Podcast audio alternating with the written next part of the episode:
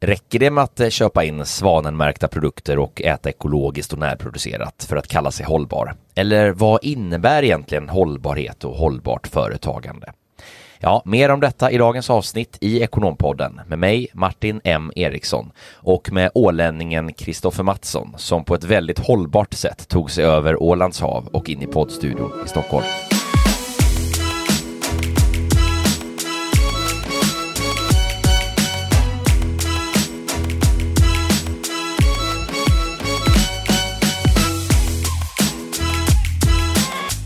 Mm, ja, men hållbarhet, det är väldigt spännande och jag kommer ju att tänka på när vi var på, var på en mässa här ganska nyligen Martin och då, då, fick du ju, då fick du beröm om att vi på Talents of Sweden bedriver våra affärer hållbart och då, då vill jag ju minnas att jag tänkte på det att ja, men, har vi liksom svanenmärkt papper i, i, i, skrivaren eller vad, vad, vad relaterar den här personen till? Ja, exakt. Det var, det var rätt intressant egentligen, för jag kommer ihåg första gången jag, jag fick det påståendet av ju en extern person eh, så slog mig samma tanke. Och eh, då, det var väl första gången som man vidgade begreppet kanske och tänkte just att ja, men det handlar inte bara om svanen märkt papper utan det handlar så mycket mer om hur vi bedriver vår business, hur vi bedriver vår affär och i vårt fall då att, att leverera vad vi kallar då långsiktigt hållbara lösningar för våra kunder där vi säkerställer att det vi gör och de värdena vi skapar eh, faktiskt är eh, sådana värden som kunderna och organisationer har nytta av, som kommer att hålla över tid, eh, inte bara sälja någonting som inte skapar värde utan det faktiskt skapar ett värde för organisationen och människorna och så vidare. Eh, och det handlar mycket om då kvalitet och metodik och, och egentligen att också välja bort att man inte går in och leverera till vissa bolag där man faktiskt inte är rätt leverantör utan då ska man inte ta den affären utan då ska man släppa den eh, och låta bli att göra den egentligen. Så det är ett, ett extremt spännande område. Verkligen och sen så eh, är det ju ändå en varm rekommendation att faktiskt åka tunnelbana för att ta bilen och, och liknande. Vi får ju faktiskt SL-kort hos oss. Ja, exakt. och sen är ju frågan så här, det har ju varit så extremt eh, viktigt att skaffa elcykel. Eh, så viktigt att till och med de som bor i innerstan har skaffat elcykel. Och nu kan man plötsligt börja fundera på, är det dags att ta fram de gamla traditionella tramporna igen. Ja, kanske det. Jag vet inte, har du, sett, har du testat de här eh, Stockholms stads nya elcyklar? Jag tror det kostar typ 350-390 kronor för ett år och så får man köra eller cykla med dem hur mycket man vill. Det låter ja, fantastiskt. Jag ska faktiskt rätta det där för jag testade dem så sent som i fredags för första gången. Det gjorde jag och jag har signat upp mig nu då och du, du köper 180 minuter. Ah. Har jag för mig det var. Ja. Något sånt där. Det är en begränsad tidspott du köper. Och sen har du möjligheten då att använda dem inom ett dygn, sju dagar, en månad eller ett år. Och då hänger priset med därefter. Sen var det lite intressant prissättning. Ehm, däremot skulle man kanske behöva jobba lite på user experience i appen för det tog typ en kvart att registrera sig. Ehm, så att eh, det är en liten barriär för att bli hållbar i innerstan. Ja, det låter ju eh, fantastiskt. Eh, och du, idag ska vi prata faktiskt om, om hållbarhet och eh, ja, eh, hållbarhet som, som begrepp. Det är ju någonting som verkligen har flygit fram Mm. Har du varit hållbar senaste veckan? Jag åkte eh, Finlandsfärja, men jag åkte Ålands båt till Åland här förra helgen eh, och eh, ja, det är väl i alla fall mer hållbart kanske än att flyga. Det är väl enda sättet man kan ta sig till Åland annars. Ja, exakt. Ja, det du kan ju också, det, du, det finns ju väldigt många kreativa sätt för hur du tar dig mellan Stockholm och Åland. Exakt, och den här gången var det hållbart. Ja, och nu har det ju också varit halloween. Mm. Eh, så en urgröpt pumpa kanske inte är så hållbar, framförallt inte om den har ögon och mun i sig, för då sjunker den. Så länge den är ekologiskt odlad. Uh, ja väl, ja, men nu ska vi sluta tramsa här för den här eh, gången. Vi tänkte passa på att släppa in eh, dagens gäst som vi har äran. Eh, och det är Lali Fjällström från SRF Konsulterna. Eh, jätteviktigt. Eh, och eh, vi ska prata, eller vi kallar henne för vår hållbarhetsexpert eller hållbarhetsambassadör och vi kommer prata lite om begreppet idag som, som sådant. Och ja, men stort och varmt välkommen in i studion Lali. Tack så mycket. Ja, nej, men det här är ju ett jättespännande ämne som ju ja, minst sagt har fått, eh, fått mycket utrymme i media och inte minst då det ska vara hållbart i alla led nu för tiden. Det ska vara hållbara leverantörer, det ska vara hållbara investeringar, det ska vara svanenmärkt papper och det ska vara ekologiskt närodlat och, och allt vad det är. Vad, vad, om, om, du bara får börja liksom när du hör hållbarhet, vad, vad tänker du på då? Ja, jag tänker nog det är lite större begrepp än vad många andra... Jag tror att många tänker hållbarhet så tänker man på miljöfrågorna.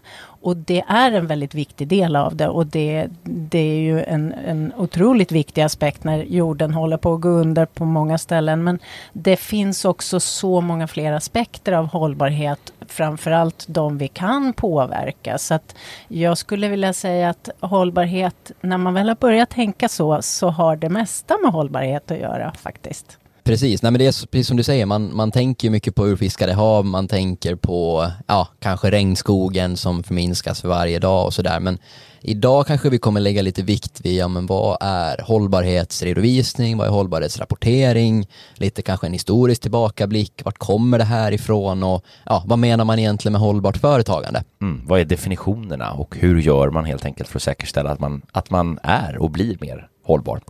Eh, och vi är ju superglada att ha dig i studion. Mm, jag, är rolig. jag är glad att jag får vara här. Ja, vi är superglada att du är här. Eh, och och eh, du har ju en bakgrund av att ha jobbat eh, med just eh, konsultverksamhet inom, inom eh, ekonomi och redovisningsspåret under många år.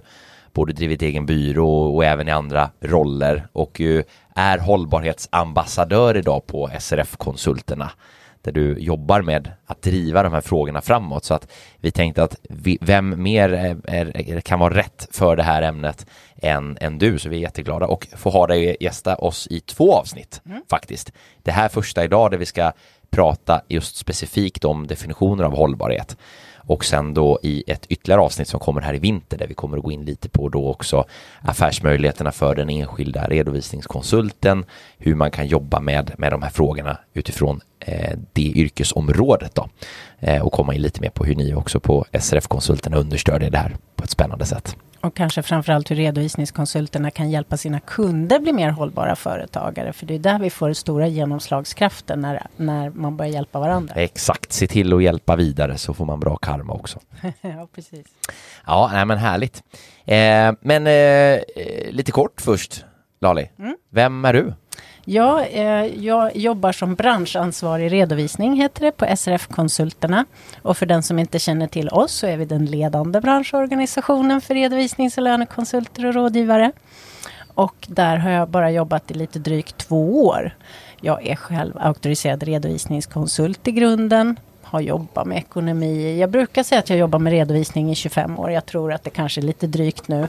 Eh, men jag har både startat och drivit en egen liten redovisningsbyrå på Södermalm här i Stockholm där jag bor. Och sen har jag också jobbat som kvalitetsansvarig på en större byrå så jag har liksom sett både den lilla och den stora byrån.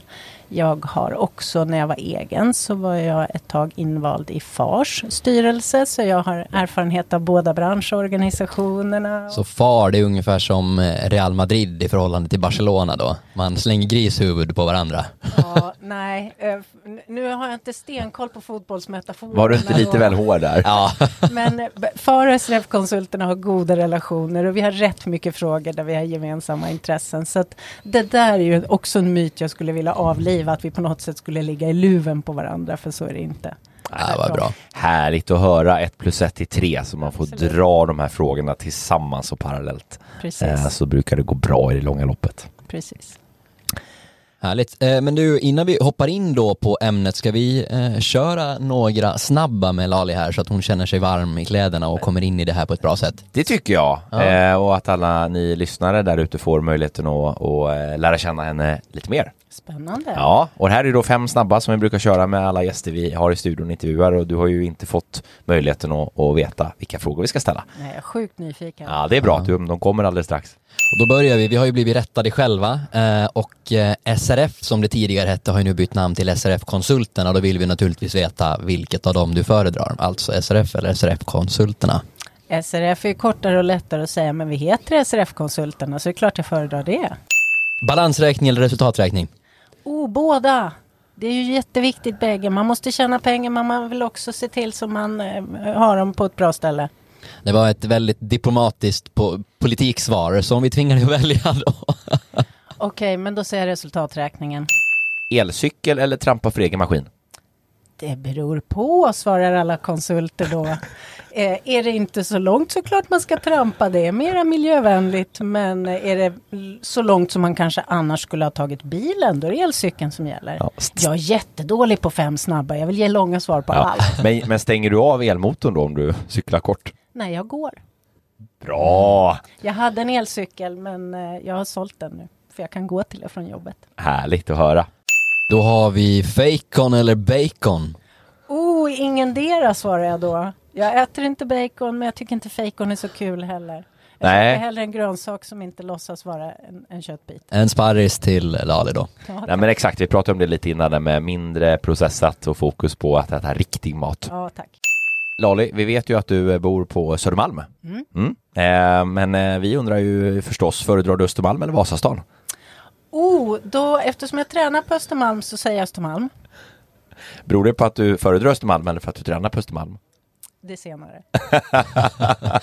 Ja, du får, eh, jag vet inte hur många rätt du får av de här fem. Det var Nej. lite för mycket garderingssvar, men vi ger det godkänt. Vi ger det godkänt. Tack.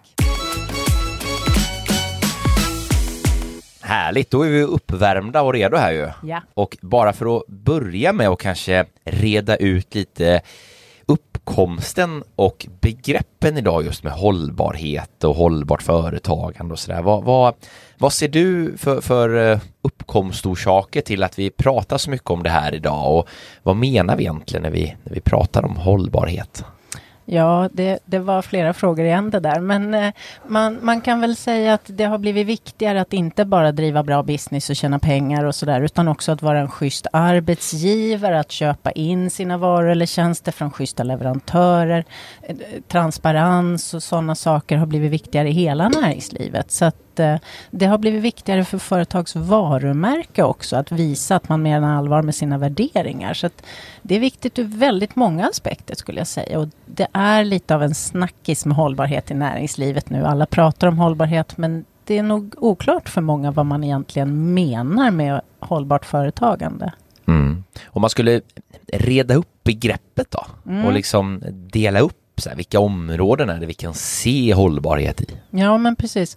Eh, definitionen av hållbar utveckling har ju ganska många år på nacken. Det var ju redan Brundtlandkommissionen som satt 87. Och den definitionen gör det lite tydligare för där säger man att en hållbar utveckling, det är en utveckling som gör att vi har möjlighet att tillfredsställa våra behov utan att äventyra kommande generationers möjlighet att tillfredsställa sina behov. Och då kanske man funderar lite så här, vad då för behov? Ja, men dels är det ju individens behov av rent vatten och trygghet och tak över huvudet och så. Men, men jag brukar ofta prata om företagens behov också.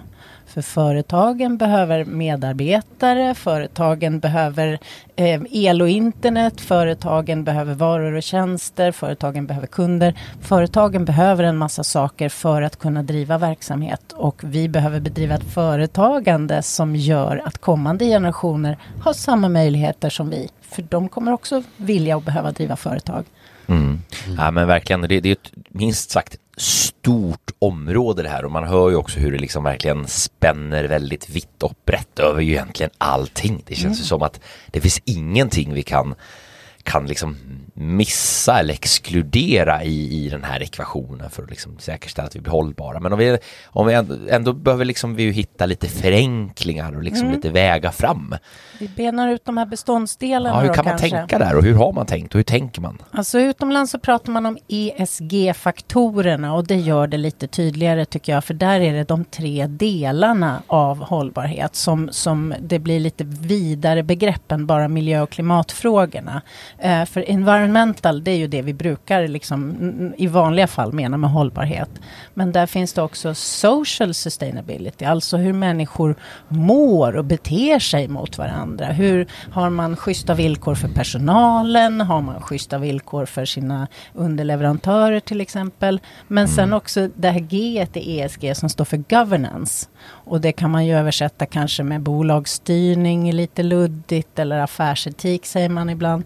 Jag brukar prata om företagets ekonomiska lönsamhet. Det handlar ju om att se till så att vi är ekonomiskt lönsamma på lång sikt. Inte bränna alla resurserna för att göra vinst på kort sikt.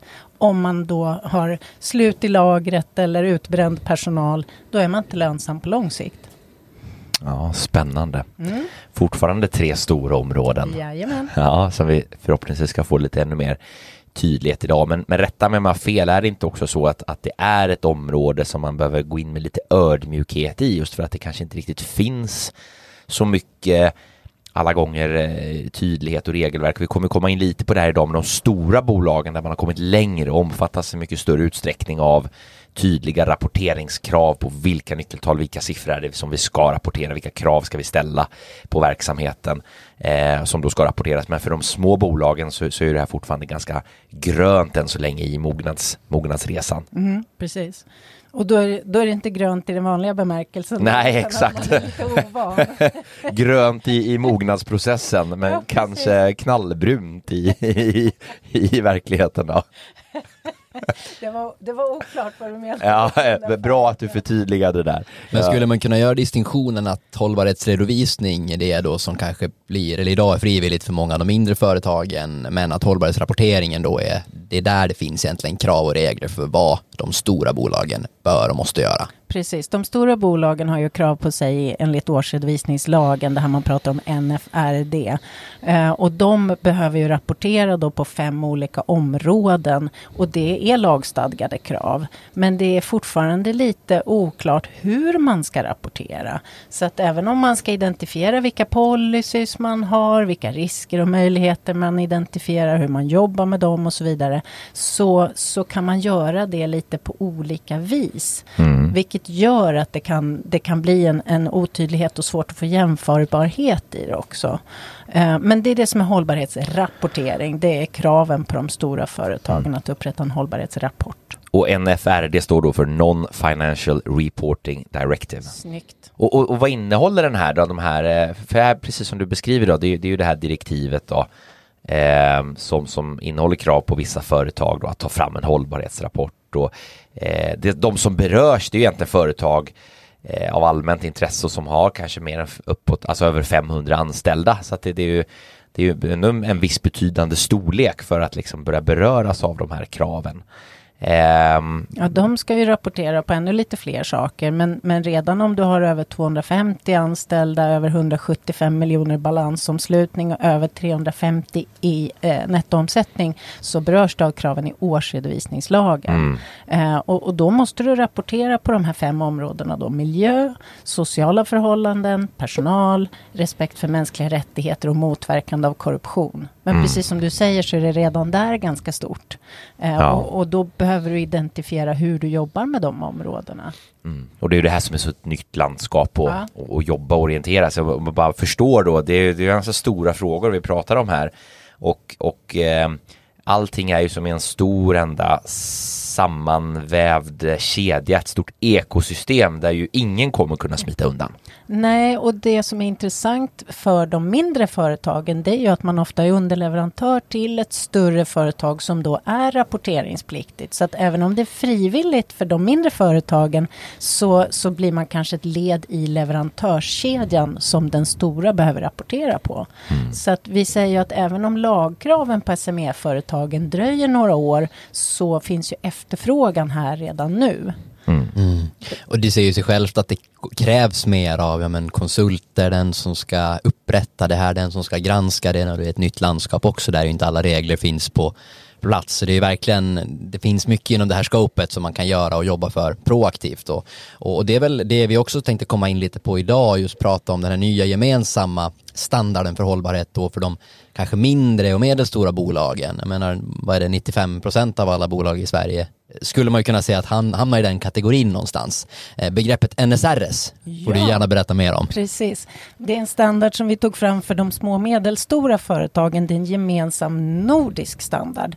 Så det är inom ramen för vår nordiska samverkansorganisation. Det är många förkortningar nu, men NAF, Nordic Accountant Federation, har tagit fram den här standarden NSRS som då står för Nordic Sustainability Reporting Standard.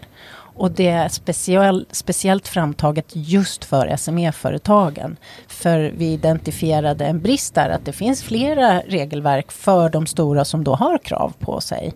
Men de små som också kan eller vill eller behöver hållbarhetsredovisa på något sätt, de har inte samma resurser som mm. de stora. De, de, kan inte anställa en hållbarhetschef eller läsa på om GRI som är det kanske mest välkända eh, stora globala eh, rapporteringsindexet. Global Report reporting initiative va? Snyggt. Och man briljerar. Ja, vackert. Nej, men så det finns ju många, det finns flera sådana för de större bolagen. Men de små då, hur ska de göra? De, de behöver lite mer handfast hjälp. Så då tog vi fram faktiskt en standard som också innehåller en rapporteringsmall för hur SME-företagen ska kunna upprätta en frivillig då, hållbarhetsredovisning. Mm. Jättespännande. Jag bara tänker när vi ändå, innan vi lämnar begreppen, det finns ju ytterligare ett sen då CSR som är Corporate Social Responsibility. Jag vet inte alls hur, hur skulle du placera in det i den här djungeln av, av begrepp?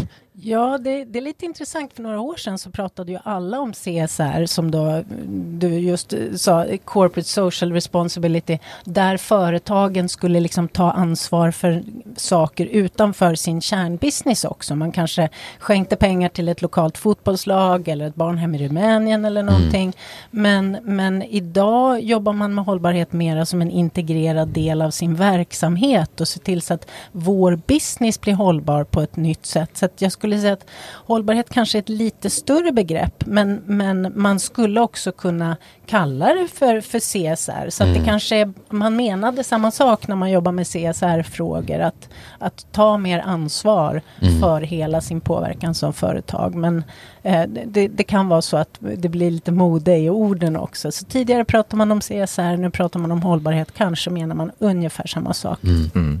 Och, och, den här standarden som ni har tagit fram då för små och medelstora företag. Eh, den den eh, är ju omfattar ju då det är 97 procent ändå av Sveriges bolag som, som omfattas då, eller som det går enligt den definitionen, små och medelstora företag. Så nu har jag inte en siffra exakt på hur många personer den sysselsätter procentuellt, men, men fortfarande det är en väldigt stor andel, många människor och många beslutsfattare framför allt, som ju den berör. Så att även om den då inte är tvingande så är den ju otroligt viktig att tidigt anamma eh, också för att säkerställa att man är på rätt väg inom det här området. Ja, och SME-företagen är ju, jag vet inte om 97 procent är en exakt siffra, men det är merparten av alla bolag. Och, men tittar man också så står de för någonstans mellan 50-80 procent av jobben. De står mm. för någonstans mellan 60-70 procent av alla industriella utsläpp i västvärlden. Så att ja, där ser du, det är ju över hälften. Liksom. har liksom väldigt stor påverkan ändå på, på omvärlden. Så att det är värdefullt för dem att, att komma igång med det här arbetet. Ja, nej men exakt. Och det här är någonstans då alltså lite mer handgripligt konkreta verktyg som man kan jobba med det här. Vilka nyckeltal ska man titta på eh, och liknande. Precis, för att eh, överallt inom hållbarhet så pratar man om att man måste identifiera sin, sin verksamhets risker och möjligheter och, och det, det, gör man också i NSRS men det kan kännas lite stort och övermäktigt uppdrag om man inte riktigt ens har klart för sig vad, vad är hållbarhet och vad har min verksamhet för påverkan. Så att här är, finns det ett mer handfast verktyg så att säga. Det är, det är helt enkelt en standard med olika steg där man först identifierar vad är det här för företag, lämnar lite information om dem, eh, berättar berättar lite om sin verksamhet utifrån det, berättar om man har satt upp någon policy, vilka, vilka faktorer, vilka nyckeltal man har identifierat som påverkar min företags risker och möjligheter och så vidare. Så att det blir lite mer handfast och inte bara att man ska börja jobba med de här frågorna för att det, det kan kännas lite svårt att veta var man ska börja då. Mm, precis. Ja, exakt. Och vad som man faktiskt, vad, vilken ända ska man börja i den här djungeln? Alltså det finns många begrepp och så har du ISO-certifiering och liksom vad ska man faktiskt lägga vikt vid och vad tittar intressenter på? Vad är viktigt? Det är ju jättebra att kunna få den ja, väg, eh, vägvisningen. Och också att det ska bli lite mer konkret så att det inte bara blir att man berättar hur hållbar man är och så finns det ingenting riktigt att ställa företagen till svars mot. Greenwashing. Greenwashing, precis. Det är ju ett begrepp som är eh, lite luddigt kanske men det handlar ju om att man framställer sig som mer hållbar än vad man kanske är. Mm. Man kanske lyfter fram någon del av verksamheten som jättehållbar. Vi har bara kravmärkt kaffe och ekobananer här i vårt Ja, det, det hör man ju ganska ofta. Ja, och sen så kanske man har någon väldigt annan del av verksamheten som är mycket större, har mycket större påverkan som kanske inte är dugg hållbar. Så att det, det handlar om att man framställer sig som lite bättre än vad man är, det här begreppet greenwashing. Och, och NSRS kom, var ett av de uttalade syftena var att göra det mätbart så mm. att man, man kan liksom eh, visa transparent vad man, vad man utgår ifrån för faktorer. Vi pratade lite om hållbar utveckling här inledningsvis i avsnittet. Och Eh, jag tänkte då skulle du få berätta lite om Agenda 2030 då som egentligen är FNs globala hållbarhetsmål. Vad, vad, vad innebär det här? Ja, det är så här kärt barn har många namn. Ibland säger man Agenda 2030, ibland säger man SDG, Sustainable Development Goals och ibland säger man eh, FNs hållbarhetsmål eller FNs 17 mål för hållbarhet. Och det är egentligen samma sak. Alla som har skolbarn har sett de här färgglada bilderna med de här 17 målen. Och det är alltifrån ingen hunger i världen, eh, jäm, jämställda villkor. Det handlar liksom om, om hur FN har satt upp en, en karta med de här 17 olika målen för att göra världen bättre helt enkelt. Det låter nästan som den här Maslows behovstrappa med ja. de här behoven som man behöver fylla, uppfylla. Ja men så är det ju. Det är ju väldigt många människor i världen som inte kan få sina grundläggande behov om, om trygghet och liknande uppfyllda ju. Toppen och nu har vi ju pratat om den här ESG, vi börja prata Global Reporting Initiative eh, och vad innebär det här nya EU-direktivet CSRD? Ja, vi har ju galet mycket förkortningar i den här hållbarhetssvängen. CSRD, om vi börjar med förkortningen så står det för uh, Corporate Sustainability Reporting Directive. Och det är tillägg till NFRD som är det som styr kraven i, i årsredovisningslagen. Eh, och, och, det är helt enkelt att det har kommit ett nytt direktiv för hållbarhetsrapportering eh, som ska vara mer detaljerat. Man ska ha in det i förvaltningsberättelsen i, årsredovisningsla, eh, i årsredovisningen och att det ska också komma en översiktlig granskning av någon sorts tredjepartsgranskare. Och där kommer det krav nu så att från 1 januari 2024 så kommer det eh, de, de företag som har fler än 500 200 anställda har krav på sig.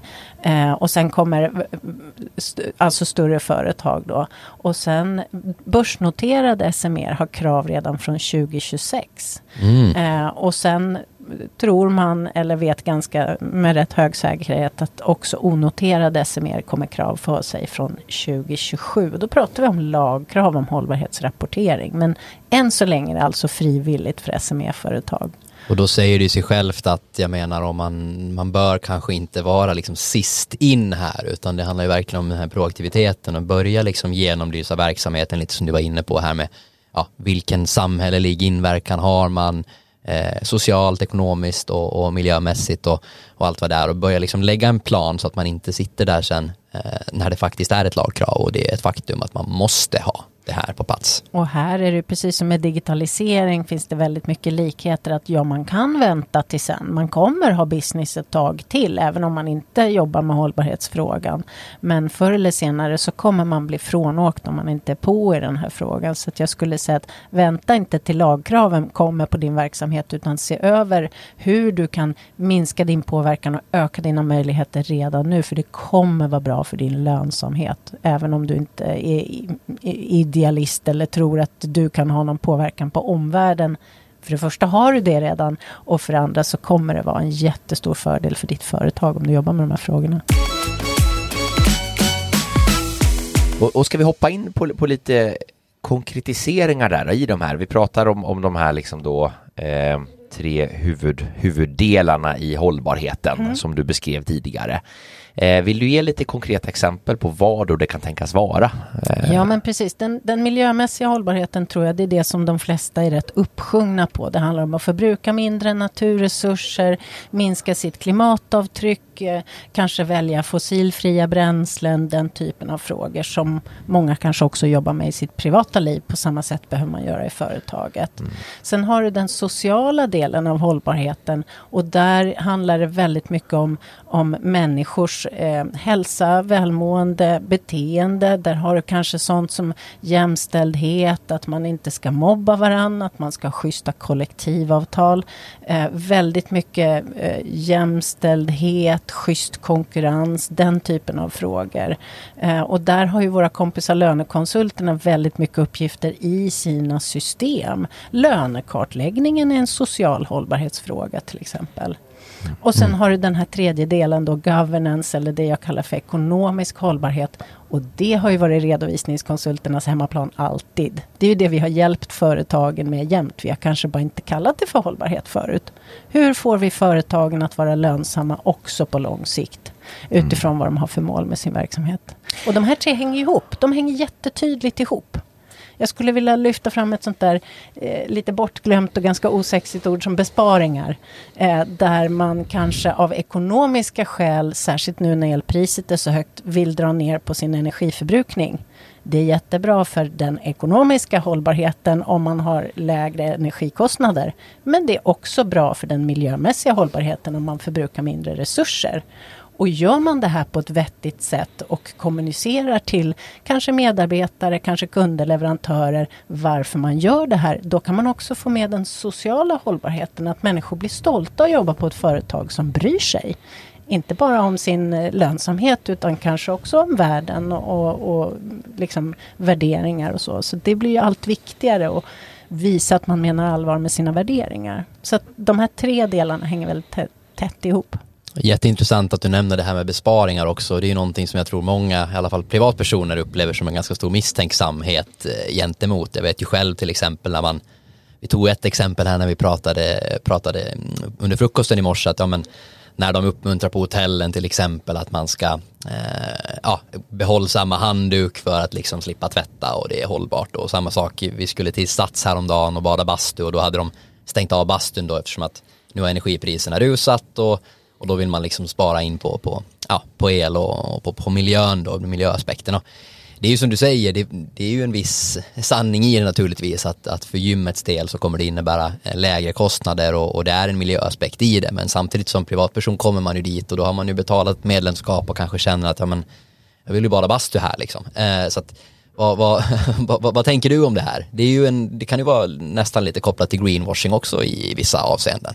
Absolut, men bara för att någonting gynnar en typ av hållbarhet så behöver det inte betyda att man ljuger om den andra. Jag tycker att det roligaste exemplet jag vet det, det är de här med handdukarna på hotellen. När man bor på hotell så sitter ofta en skylt på väggen där det står Hjälp oss spara planeten, rädda världen, hjälp oss spara vatten. Häng upp din handduk igen om du kan tänka dig att använda den en gång till. Mm. Annars lämnar du den på golvet så tvättar vi den som vanligt. Och då vill man ju gärna som gäst tänka att ja, det är klart jag kan använda min handduk igen och så hänger man upp den. Och då är det kanske inte nödvändigtvis så att hotellet ljuger om att de vill rädda världen. Det är ju inte så att, att de inte vill spara vatten, även om det gynnar också deras ekonomiska lönsamhet att det är billigare att skicka färre handdukar till tvätt. Men så gynnar det också den sociala hållbarheten att jag som hotellgäst blir stolt att jobba, mm. eller Eh, Eh, blir stolt att bo på ett hotell som bryr sig. Personalen behöver släpa mindre tvättsäckar, de får mindre ont i ryggen. Personalen kanske trivs bättre att jobba på ett hotell som bryr sig. Så att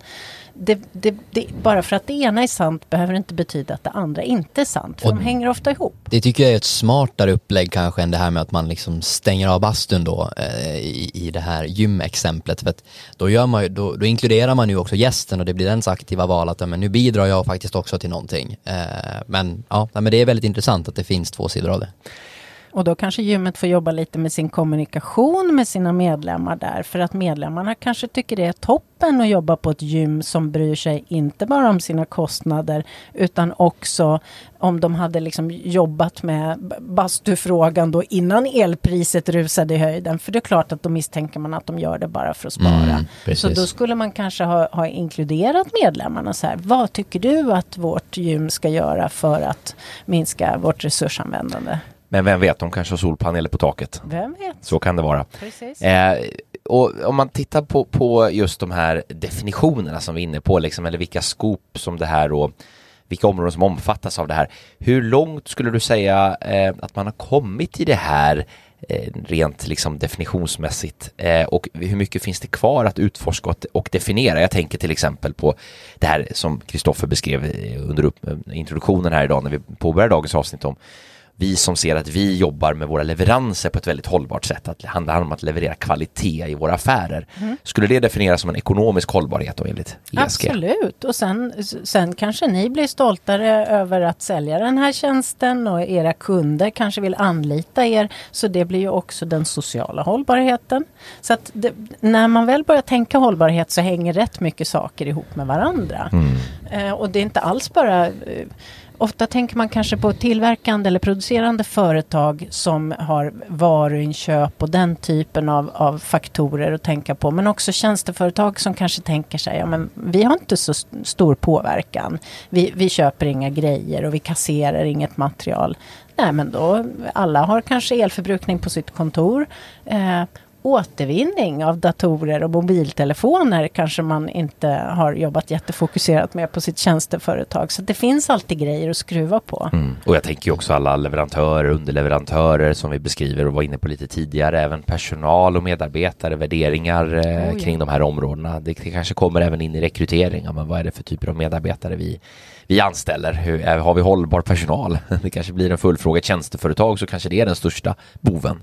Ja, och jobbar du med rekrytering så har du jättemånga hållbarhetsfrågor där. Hur jobbar vi med mångfald till exempel? Hur jobbar vi med tillgänglighet? Hur gör vi våra urval? Mm. Där finns det massor med sociala hållbarhetsfrågor att, att verkligen sätta tänderna i och, och vara aktiv med. Men som ni också förstås kan använda i er kommunikation till era kunder och då kan det ge en marknadsmässig fördel som kan ge en bättre ekonomisk hållbarhet. Allt hänger ihop Allt där. Hänger ihop. Ja, du, du, gillar ändå resultaträkningen bäst hör jag. ja. Nej men det är ju en förutsättning. Ska man kunna driva business så måste man gå med någon sorts vinst. Såklart. I näringslivet så, så är det ju ändå så att du kan inte, du, du kan jobba ideellt men, men ska du driva någon sorts företagsverksamhet så mm. behöver du gå med vinst. Men du behöver göra det på ett långsiktigt hållbart sätt.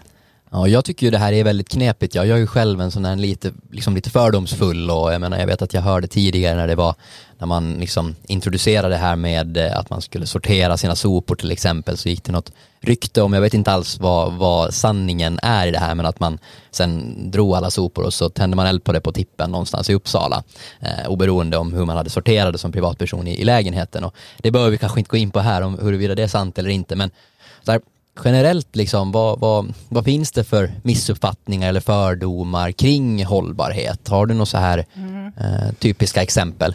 Jo, den, den, vanligaste missuppfattningen det är väl det här att hållbarhet är just miljöfrågan enbart. Och att eh, det, det, är så många fler delar som hänger ihop med hållbarheten. Men, men en annan vanlig missuppfattning tycker jag det är att den som är intresserad av hållbarhet på något sätt skulle vara emot tillväxt. Eh, och, och, det är snarare tvärtom. Att, eh, jag menar, det var någon som sa så här, ja men ekologiska bananer är det ju dyrare än oekologiska bananer. Är det inte mycket dyrare att jobba med hållbarhetsfrågor? Ja, jo på kort sikt kan det ju vara det. Men vad kommer inte bananerna att kosta om, om vi förgiftar jorden så att det inte går att odla några bananer? Mm. De tre bananer som odlas kommer bli svindyra då. Så att det handlar ju återigen om att se det hela på, i lite perspektiv. Ja, se helheten.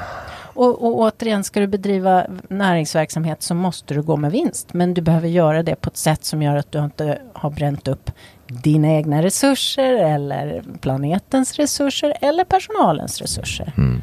Så att det, det handlar om väldigt många olika delar skulle jag säga. Mm. Har du fler eh, missuppfattningar eller vanliga fördomar? Ja, det, det, finns nog ganska många men det är väl att det på något sätt skulle vara någon sorts eh, nice to have eller att det är någon sorts eh, varumärkes lullull som man kan lägga på uppe på sin core business bara för att se lite finare ut. Det har ju många trott under många år kan jag tycka. Att ja. det är precis så där det har låtit just och, och, och därav lite de som tar frågan på riktigt nästan inte ibland tas på allvar. Ja, och jag skulle säga att så har det kanske varit men jag tror att det där är på väg att skifta jättesnabbt så den som inte jobbar med hållbarhet på, på en ganska genomgripande sätt, den riskerar att bli frånåkt helt. Därför att dels har vi det här med de som är rapporteringspliktiga som kommer börja ställa krav via den här, det kallas för intressentdialogen. Jag börjar ställa mm. krav på dig och du börjar ställa krav på dina leverantörer. Men, men sen har du också det där att det blir hårdare konkurrens och den som inte jobbar med hållbarhet riskerar att tappa affärer till den som kanske är ett hållbarare alternativ. Många branscher har väldigt medvetna kunder. Du kan inte jobba med hudvårdsprodukter till exempel utan att kommunicera om de är testade på djur och, och vad förpackningen innehåller och, och sådana saker. Så att det finns, det finns eh, väldigt mycket konkurrensfördelar att Mm. jobba med hållbarhet och du riskerar att faktiskt få eh, bli av med jobb om du inte jobbar med hållbarhet. Så att det är direkt kopplat till din eh, verksamhet skulle jag säga. Och beroende på bransch, jobbar du till exempel med sånt som är offentlig upphandling eller du behöver bidrag eller du behöver finansiering ifrån banken till exempel. Det kommer troligen vara omöjligt att få det om du inte har ett aktivt hållbarhetsarbete.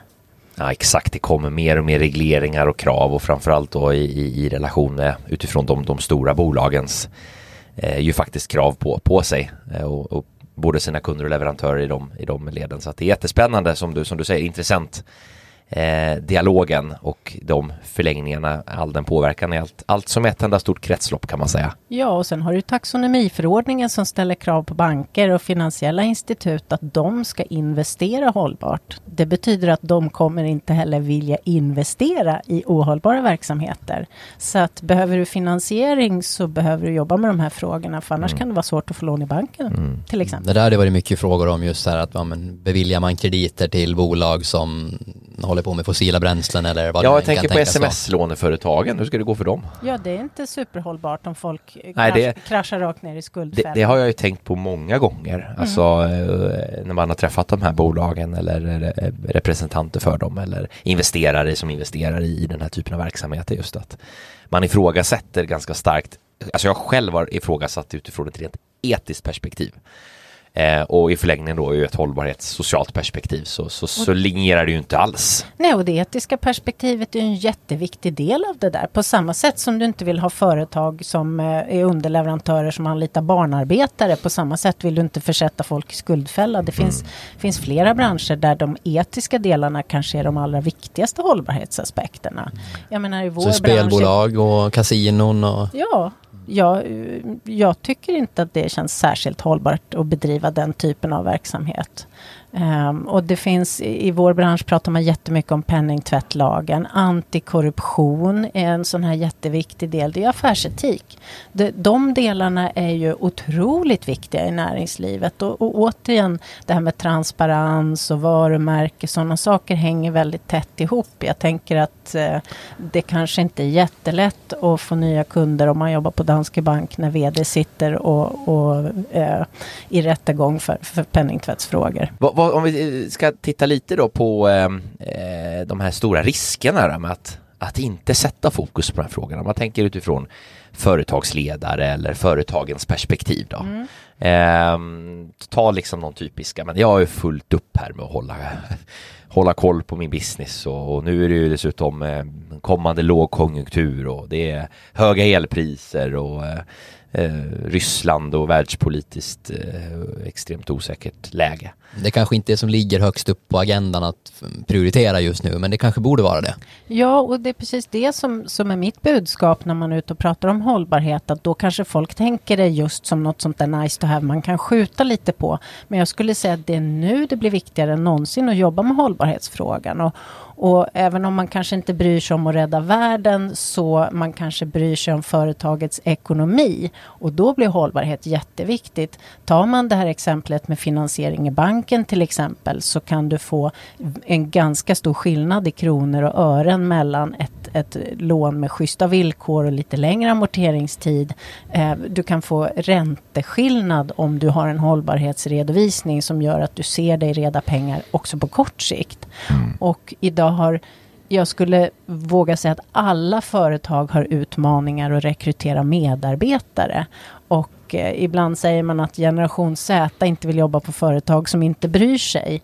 Jag menar, vill du attrahera de skarpaste nya medarbetarna, då måste du mena allvar med dina, ditt hållbarhetsarbete. Så att det är en konkurrensfördel också som är mätbar i pengar. Och Ja. du nämnde elpriset. Det är ett jättetydligt exempel på hur det är eh, mycket bättre för företagets både ekonomiska men också miljömässiga hållbarhet att spara in på energi, eh, eh, göra energibesparingar.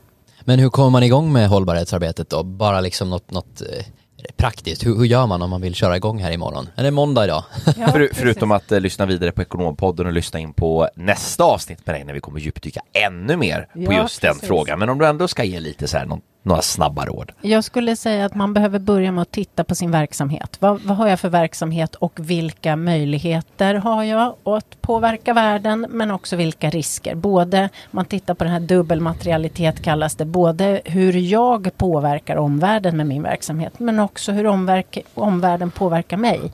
Om jag har min viktigaste leverantör i Ukraina då kanske min hållbarhet blev jättedålig nu när Ukraina blev invaderat till exempel. Så att det, det handlar om att se på sin verksamhet och det behöver företagsledningen faktiskt jobba med också tillsammans med sina medarbetare. För det är ofta hos personalen som de fiffigaste idéerna dyker upp. Företagsledningen kan inte sitta och snickra på det där på egen hand utan man behöver, man behöver involvera alla och man behöver involvera ekonomerna. För mm. de är vana att ta fram nyckeltal, de är vana att identifiera aktiviteter som gynnar de nyckeltalen och de är framförallt rapporteringsexperter. Morgondagens ekonom är inte bara en IT-ekonom, det är en hållbar ekonom också. Och en rationell ekonom. ja, och, och IT-frågorna har också med hållbarhet att göra. Eh, inte bara ifall du återvinner dina gamla datorer utan också digitalisering och hållbarhet. Digitalisering har vi pratat om jättelänge. De är varandras förutsättningar. Mm. Självklart. Så att ja, det, det, hänger ihop. Och det här ska ju liksom på något vis kunna genomsyra alltså, vad du gör som privatperson också. För ofta är ju den förankringen ganska nära. Men vi pratade Stordalen tidigare, liksom att, att det, det, kan ju finnas somliga som tycker att det inte alltid är så hållbart det han gör privat. Men att hans hotell då kanske bedriver en, en hållbar, hållbar verksamhet. Men vi pratade lite tidigare om de här fyra eller fem benen kanske, men, men vad var det? Bilen, biffen, bostaden, butiken och börsen. Eh, berätta lite om de fyra eller fem benen. Ja, jo, men jag har snott det här citatet från, eh, med de här fem benen från Johanna Lundgren Gästlöv som är hållbarhetschef på SPP. Och det är de här vanligaste fyra benen som folk har koll på. Men börsen har man kanske inte koll på. Hur man investerar företagets pengar, men också hur man investerar eh, medarbetarnas tjänstepensionspengar. Eh, och, och det handlar återigen om hur du konkurrerar som arbetsgivare, därför att de har siffror som visar att nio av tio anställda vill att deras pensionspengar ska vara hållbart investerade. Och då är vi tillbaka i taxonomiförordningen och hur bankerna vill låna ut pengar. Så behöver du finansiering till ditt bolag kan du visa att du jobbar med hållbarhet på något sätt så har du lättare att få finansiering. Mm. Och har du pengar som du behöver investera i ditt företag då kommer du att få bättre villkor om du jobbar med hållbara investeringar. Och det är också någonting du kan använda i din kommunikation. Ja, det, det, det, det var ju det roliga många ben där. Mm. Bilen, biffen, bostaden, butiken. Och, och så har vi börsen då. Och jag ja. tänker ju också på två till spontant. Det är ju båten och barnen. Nu ja. har ju inte jag varken båt eller barn, men eh, för de som har. Absolut, och det, det handlar ju om att man kanske som privatperson vill se över hur man lever sitt liv. Om man till exempel tar bilen till jobbet, om man kan eh, elcykla istället för att åka bil så är det ett bättre val. Mm. Men om jag bor så jag kan knalla till jobbet så blir ju elcykel ett sämre val. Mm. Eh, och, och, barn kanske man vill skaffa, men eh, det har ganska stor påverkan såklart. Och då säger jag ju som en smålänning sa en gång i tiden. Ta stora kliv för skorna är dyra. ja, det, så kan det säkert vara. Beror på hur långa ben man har. Ja, exakt så. Nästa eh, avsnitt som vi spelar in med dig, inte nästa avsnitt i podden, men eh, nästa avsnitt tillsammans med dig som vi släpper här senare i vinter. Mm. Eh, då kommer vi djupdyka ännu mer på, på också eh, lite mer handgripligen då på, på hur det här påverkar den enskilda ekonomen, konsulten eller redovisningsavdelningen eh, i frågorna som rör redovisning, rapportering, också lite vilka trender som finns i branschen, hur man som enskild Eh, konsult också kan hjälpa sina kunder med de här frågorna, vilka yrkesmöjligheter som öppnas inom området och vilka nya tjänsteområden som kan tänkas att skapas inom det här området. och hur man kan ta betalt för de här tjänsterna. Absolut, det också, för minst. det här handlar om byråernas lönsamhet också. Verkligen hållbart här i den det ledet också. Jajamän. Och ha hållbara leveranser. Nej, jättespännande och vi är jättetacksamma och glada för, för att du har varit här och gästat oss idag. Eh, och eh, vi får väl passa på då att säga välkommen åter inom kort. Tack. Ja, verkligen. Och eh, till alla er lyssnare där ute eh, så eh, eh, vill vi uppmuntra er såklart att eh, gilla podden och också dela oss i olika typer av medier. Ta en printscreen, dela oss i dina sociala kanaler och skicka avsnittet eller något avsnitt till dina kollegor så hjälps vi tillsammans åt eh, att göra eh, ekonomrollen än mer hållbar. Så stort tack för det. Och med det sagt så eh, önskar vi er också en fortsatt härlig vecka och på återhörande om två sådana. Ha det gott! Tack och hej! Hej!